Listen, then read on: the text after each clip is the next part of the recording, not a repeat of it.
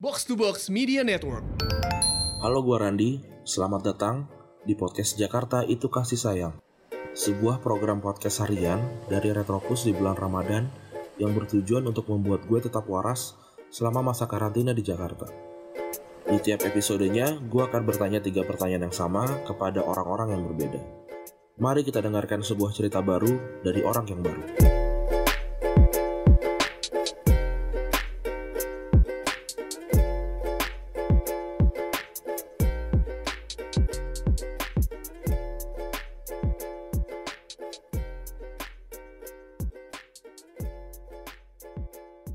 Oke teman-teman, kembali lagi di Jakarta itu kasih sayang episode ke-6 Kali ini gue akan ngobrol-ngobrol sama, ini pendengar lama gue sih uh, Gue udah kenal, udah ketemu juga berkali-kali. Kalau ada acara Retropus uh, sering datang Pernah gue mabukin juga sebenarnya uh, Dark Down ya uh, Tapi gue akan membiarkan dia memperkenalkan dirinya sendiri. Halo, kenalin dia dulu bro. Halo, halo, halo, halo, halo semuanya.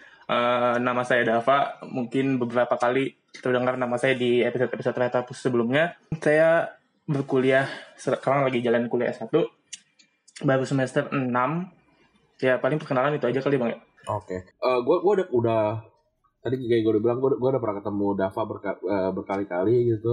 Ya udah udah udah cukup tau lah orangnya kayak gimana. Tapi kenapa lo mau cerita uh, Dav di sini? Jadi jadi gini sih, Bang. Uh, tertarik banget buat ceritain hal ini karena uh, mungkin uh, dirasain juga sama beberapa orang yang lainnya.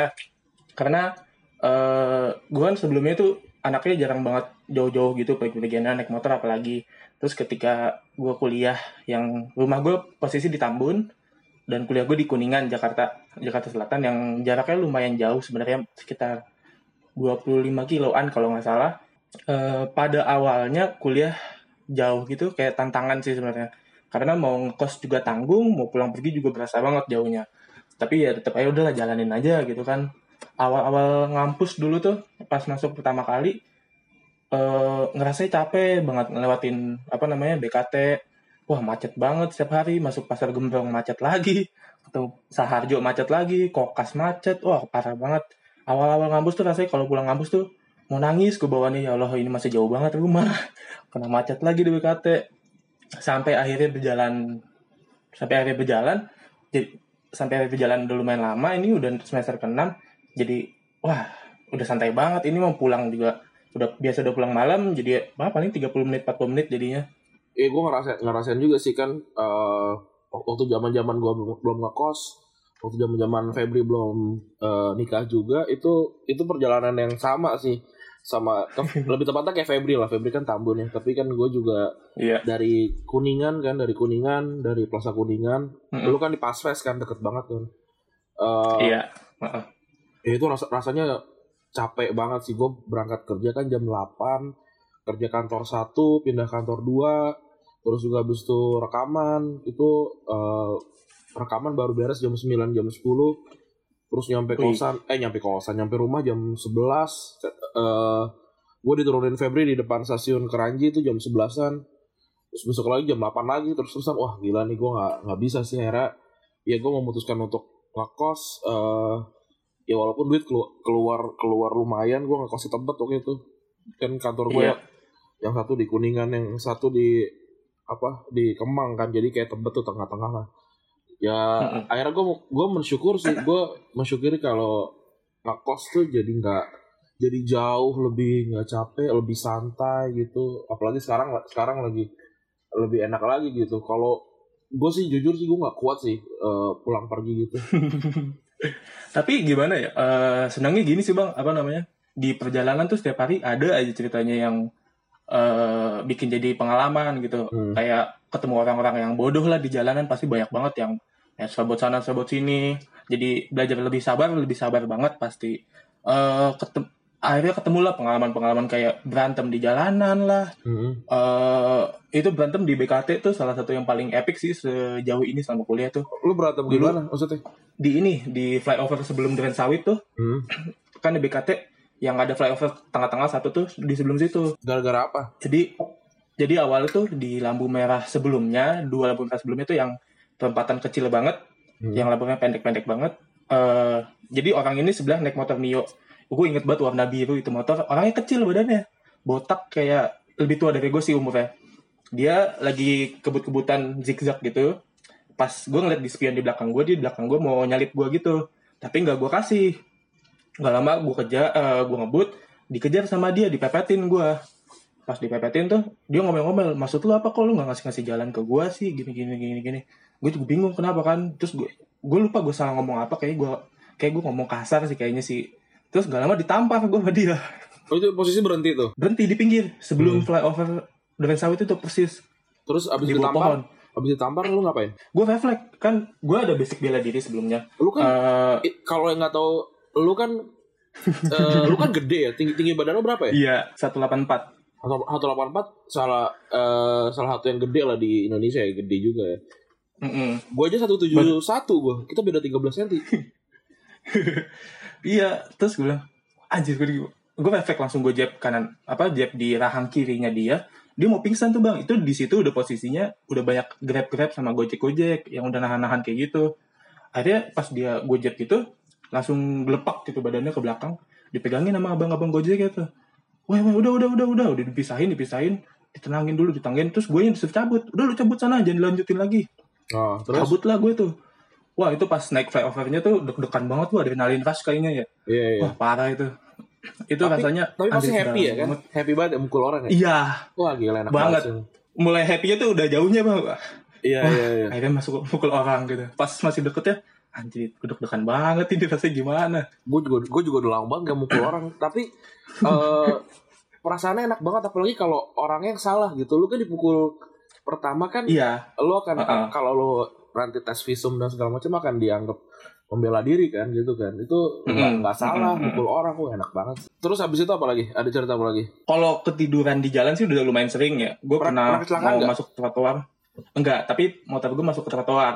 Yang jadi kalau udah mau apa habis kokas tuh kan kalau mau ke kampus gue, gue muter balik tuh di atas yang kalau ke bawah tuh ke, eh, ke Kuningan City ya kalau nggak salah. Yang gue yang ambil jalur kiri nanti muter balik ke Pasves. oke Heeh, pas di situ di Sebelum Patra ya, depan belokannya? Patra ya Iya, nah kan kalau ke kiri tuh yang ke arah Kemang, ini yang ke kanan. Heeh. Arah muter balik ke Kokas lagi, nanti motong di Jalan Bakri. Nah, di trotoar itu tuh jam berapa? Gue berangkat jam setengah enam pagi, nyampe sana jam setengah tujuh kurang. Ngantuk banget itu. Itu bulan puasa juga. Habis sahur. Belum tidur. Wah, itu parah sih itu. Tahu-tahu udah naik ke atas trotoar ya motor. Anjir, gue bilang. tapi nggak nggak nggak kenapa apa nggak jatuh enggak, alam, alhamdulillah enggak. Soalnya lagi sepi juga jalanan, Bang. Emang lu ngampus jam berapa sih? Kok pagi-pagi banget? Kan kelas jam setengah delapan. Hmm. biasa berangkat dari rumah setengah enam tapi Oh. dulu awal banget kampus pertama kali kampus tuh berangkat jam 5 pagi soalnya takut telat kan eh nyampe sana 5.25 25 menit doang Anjir, iyalah kalau kalau siang eh kalau pagi mah enak banget. Mm, kosong banget jalanan Oke, kita masuk ke pertanyaan pertama ya. oke Oke, kalau cuma ada satu lagu yang tersisa di dunia, lagu apa itu dan kenapa? Sebenarnya tadi gue kepikiran tuh spontan guruku tersayang dulu lagu yang waktu zaman SD soalnya apa ya eh bahagia aja gitu kalau dengerin lagu itu bawaannya pengen sing along terus. Guruku tersayang guru tercinta gitu gitu Kalau kalau di dunia tanpa musik terus lu milih lagu itu tuh aneh banget sih. Pasti lu punya apa ingatan sama guru apa apa? gue dulu SD setiap hari dengerin lagu kayak gitu setiap pagi. Jadi udah terngiang-ngiang terus bawaannya gitu kayak ya Allah lagu ini lagi tapi lama-lama pas sekarang-sekarang udah gak pernah denger lagu itu setiap kali denger itu apalagi kalau lagi sama teman-teman gitu kan tau-tau masang lagu itu ah semuanya singelong aja gitu senang dengerin lagu itu kayak gitu gitu Tapi lu punya pengalaman tertentu sama guru? gue dulu SMP SMA tuh SMP tuh gue sempet di DO sempet mau di DO Kenapa? karena Gara-gara gue apa? masalah sama guru Berantem. dulu gue pukul-pukulan? gue sampai kagak dulu dulu SMP tuh sebenarnya kasus rame-rame sih tapi ujung-ujungnya gue yang dipanggil juga. Jadi ya udah akhirnya bermasalah sama guru-guru tapi kalau masalah yang personal sama guru tuh SMA soalnya SMA tuh eh, SMA gue kan dulu baru ya sekolah baru. Terus gurunya banyak yang anak muda. Nah gurunya ini hari pertama dia ngajar di situ tau tuh bilang ke gue eh Dava saya tahu kamu itu kurang perhatian anaknya ya. Hah apa sih bapak? Gue bilang gitu kan. Terus teman-teman gue juga bingung jadi si guru baru ini eh, dia kayak dikasih tahu sama guru BP gitu katanya Dava anaknya gini gini gini gini Lu kelas Tahu-tahu berapa itu? gue kayak gitu SMA kelas 2. Oh, berarti emang udah udah ada track record satu tahun lah. Berarti lo emang murid yang bandel ya? Cukup cukup cukup bandel. Oh, Eh, cukup karena bandel. udah hampir hampir mau di DO juga sih dulu. Anjir lu di Deo mau ngapain? Gue gue tuh murid yang yang sangat baik loh gue. Waktu waktu SMA tuh gue nggak nggak ada satu hari pun gue terlambat sekolah. Jadi sekolah gue tuh kalau terlambat cuma suruh lari naik turun gitu kan sekolah gue kan bukit kan. Eh Iya, konturan naik heeh. turun gitu. Eh disuruh naik turun naik turun naik gitu sih nggak nggak nggak jauh tapi capek. Gue tuh tapi sama sekali dalam tiga tiga kali eh 365 hari lah hitungannya nggak nggak ada satu hari pun gue terlambat terus nggak ada satu satu kali pun gue masuk ke ruang BP selama gue ke sekolah tapi waktu zaman gue kuliah buset itu baru deh kayak kayaknya baru baru tahu bandel setiap semester gue dikeluarin dari kelas ada aja gue dikeluarin Itu itu kayak pelampiasan gak sih, Bang? nggak tahu ya gue gue eh, gue gue rasa kayak gue gue udah tahu apa yang akan terjadi gitu loh zaman zaman kuliah kalau dikeluarin ya udah kan bisa ngulang kayak apa ya Oh, iya iya iya. kalau iya. kalau dulu lu Heeh. nggak naik kelas tuh kayak eh malu banget gitu tapi kayaknya kalau ngulang mata pelajaran kayak ya udahlah ngulang aja kenapa emang gitu. Makanya gue lulus 7 tahun. Satu karena bodoh juga nggak nggak pinter-pinter amat. Satu lagi gara-gara bangor. Ini ini juga yang itu juga salah satu yang gue khawatirin sih sebenarnya kalau di dunia kuliah ini. Kayak sebenarnya kalau di Hmm. kuliah kan gue cowok sendiri ya bang ya, di angkatan gue. Jadi anjir aneh banget. Iya gue angkatan lu berapa orang? 17 oh dikit ya terus? Eh, gue cowok sendiri juga. Terus kemampuan akademisnya juga jauh banget bedanya sama teman-teman. Jadi kadang gue gimana ya? Eh anjir gue masa apa lulusnya nggak sama mereka sih. Gue nggak pengen lulus sama angkatan bawah gitu kan. Nggak mau ngulang lama. Hmm. tapi gimana utang pelajaran banyak gitu. Makanya sebisa mungkin gue nggak jadi masalah sama kampus sih.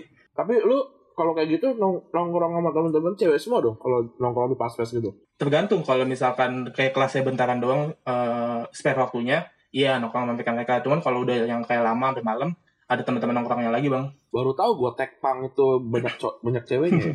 tadinya gue berdua terus teman gue keluar masuk ilkom jadi ya sudahlah sendirian saja Bakri itu kampusnya yang mana sih? Daerah apa? Gedungnya? di pas face persis di sebelah laki cat Oh, sih. yang lantai satu lah pokoknya Yang yang lantai, lantai satu Mm-mm, ya. Tahu. persis Oke oke. Terus eh, kita langsung pertanyaan kedua. oke Apa sih pedoman lu dalam menjalani hidup? Ya bisa quotes, mantra atau ayat eh, suci gitu. Hmm, kalau pedoman sih lebih ke prinsip sih bang. Kayak yang gue jalanin sekarang ini, eh sebisa mungkin gue menyelesaikan apa yang telah gue mulai. Kayak Hmm. misalkan Maksudnya gimana tuh? eh, dulu awal-awal semester 2 pas gue kehilangan teman gue satu-satunya cowok tuh di kelas gue, kan mulai kepikiran ini, ini gue gimana cowok sendirian gitu kan di kelas teman-teman gue cewek semua. Terus eh gue juga nggak pinter-pinter amat gitu, kuliahnya susah banget. Cuman gue pikir ini udah gue mulai gitu, udah gue mulai dari awal ya sebisa mungkin gue kelarin gitu mau sampai kapan pun gue harus bisa nyelesain ini semua. Tapi lu ada momen-momen mau keluar kampus? Ada banget itu awal-awal kampus, apalagi semester 1 IP gue langsung 2.0. Gua satu koma. gitu parah banget. Soalnya soalnya gue mikirnya Dua iya dua tuh gue jarang loh. Gue gue dua tuh jarang banget. Dulu gue satu satu. anjir Ya abis itu mulai membaik sih akhir-akhir. Tapi wah caur lah gue.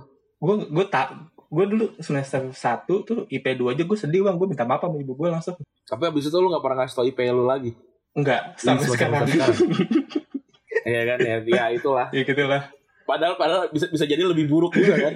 Alhamdulillahnya sih enggak Enggak ya. alhamdulillahnya enggak cuman gue takut banget kalau udah di bawah dua tuh Tiap tiap ditanya tuh kayak ma IP-nya belum keluar gitu kan. Biasanya kayak gitu kan. kalau alhamdulillah bokap nyokap nggak pernah nanya sih bang sama Ah, sekali jadi juga. udah UTS sama UAS aja nggak tahu kayaknya Bapak bapak mak gue juga nggak segitu tahu Mm. sih tapi tetap aja nanya. Dan gue ya udah ya gue jadi memilih untuk ya udah gue biar sendiri deh biar nih urusan yang gue yang nanggung semua gitu. ala Oke ini terakhir Oke. ya. Apa yang berubah dari hidup lo semenjak eh, pandemi COVID-19 ini? berubah mm, mm, mm, mm, mm, mm. sebelumnya tuh apa ya gue anaknya yang senang banget jalan-jalan kulineran survei perjalanan jauh gitu kan terus Hmm. satu bulan pertama kemarin tuh sebenarnya gue lagi ada event kampus gitu kan ada liga mahasiswa yang lagi jalan itu lumayan kepikiran banget ini liga gimana jalannya gitu kan Eh mulai ketemu gue lupa mulai kapan ya eh setelah teman-teman gue ngajakin main game online tuh ada point blank akhirnya itu gue download gue main gue bisa mulai apa ya lebih sabar lagi sama anaknya jadi oh ya udahlah jalanin aja nanti juga kelar sendiri kayak gini-gini. Lo pilih introvert apa extrovert? gue nggak nggak tahu sih bang nentuin keduanya karena gue senang di rumah juga gue juga senang jalan-jalan jauh juga gitu. Jadi gue nyaman di kedua itu sih.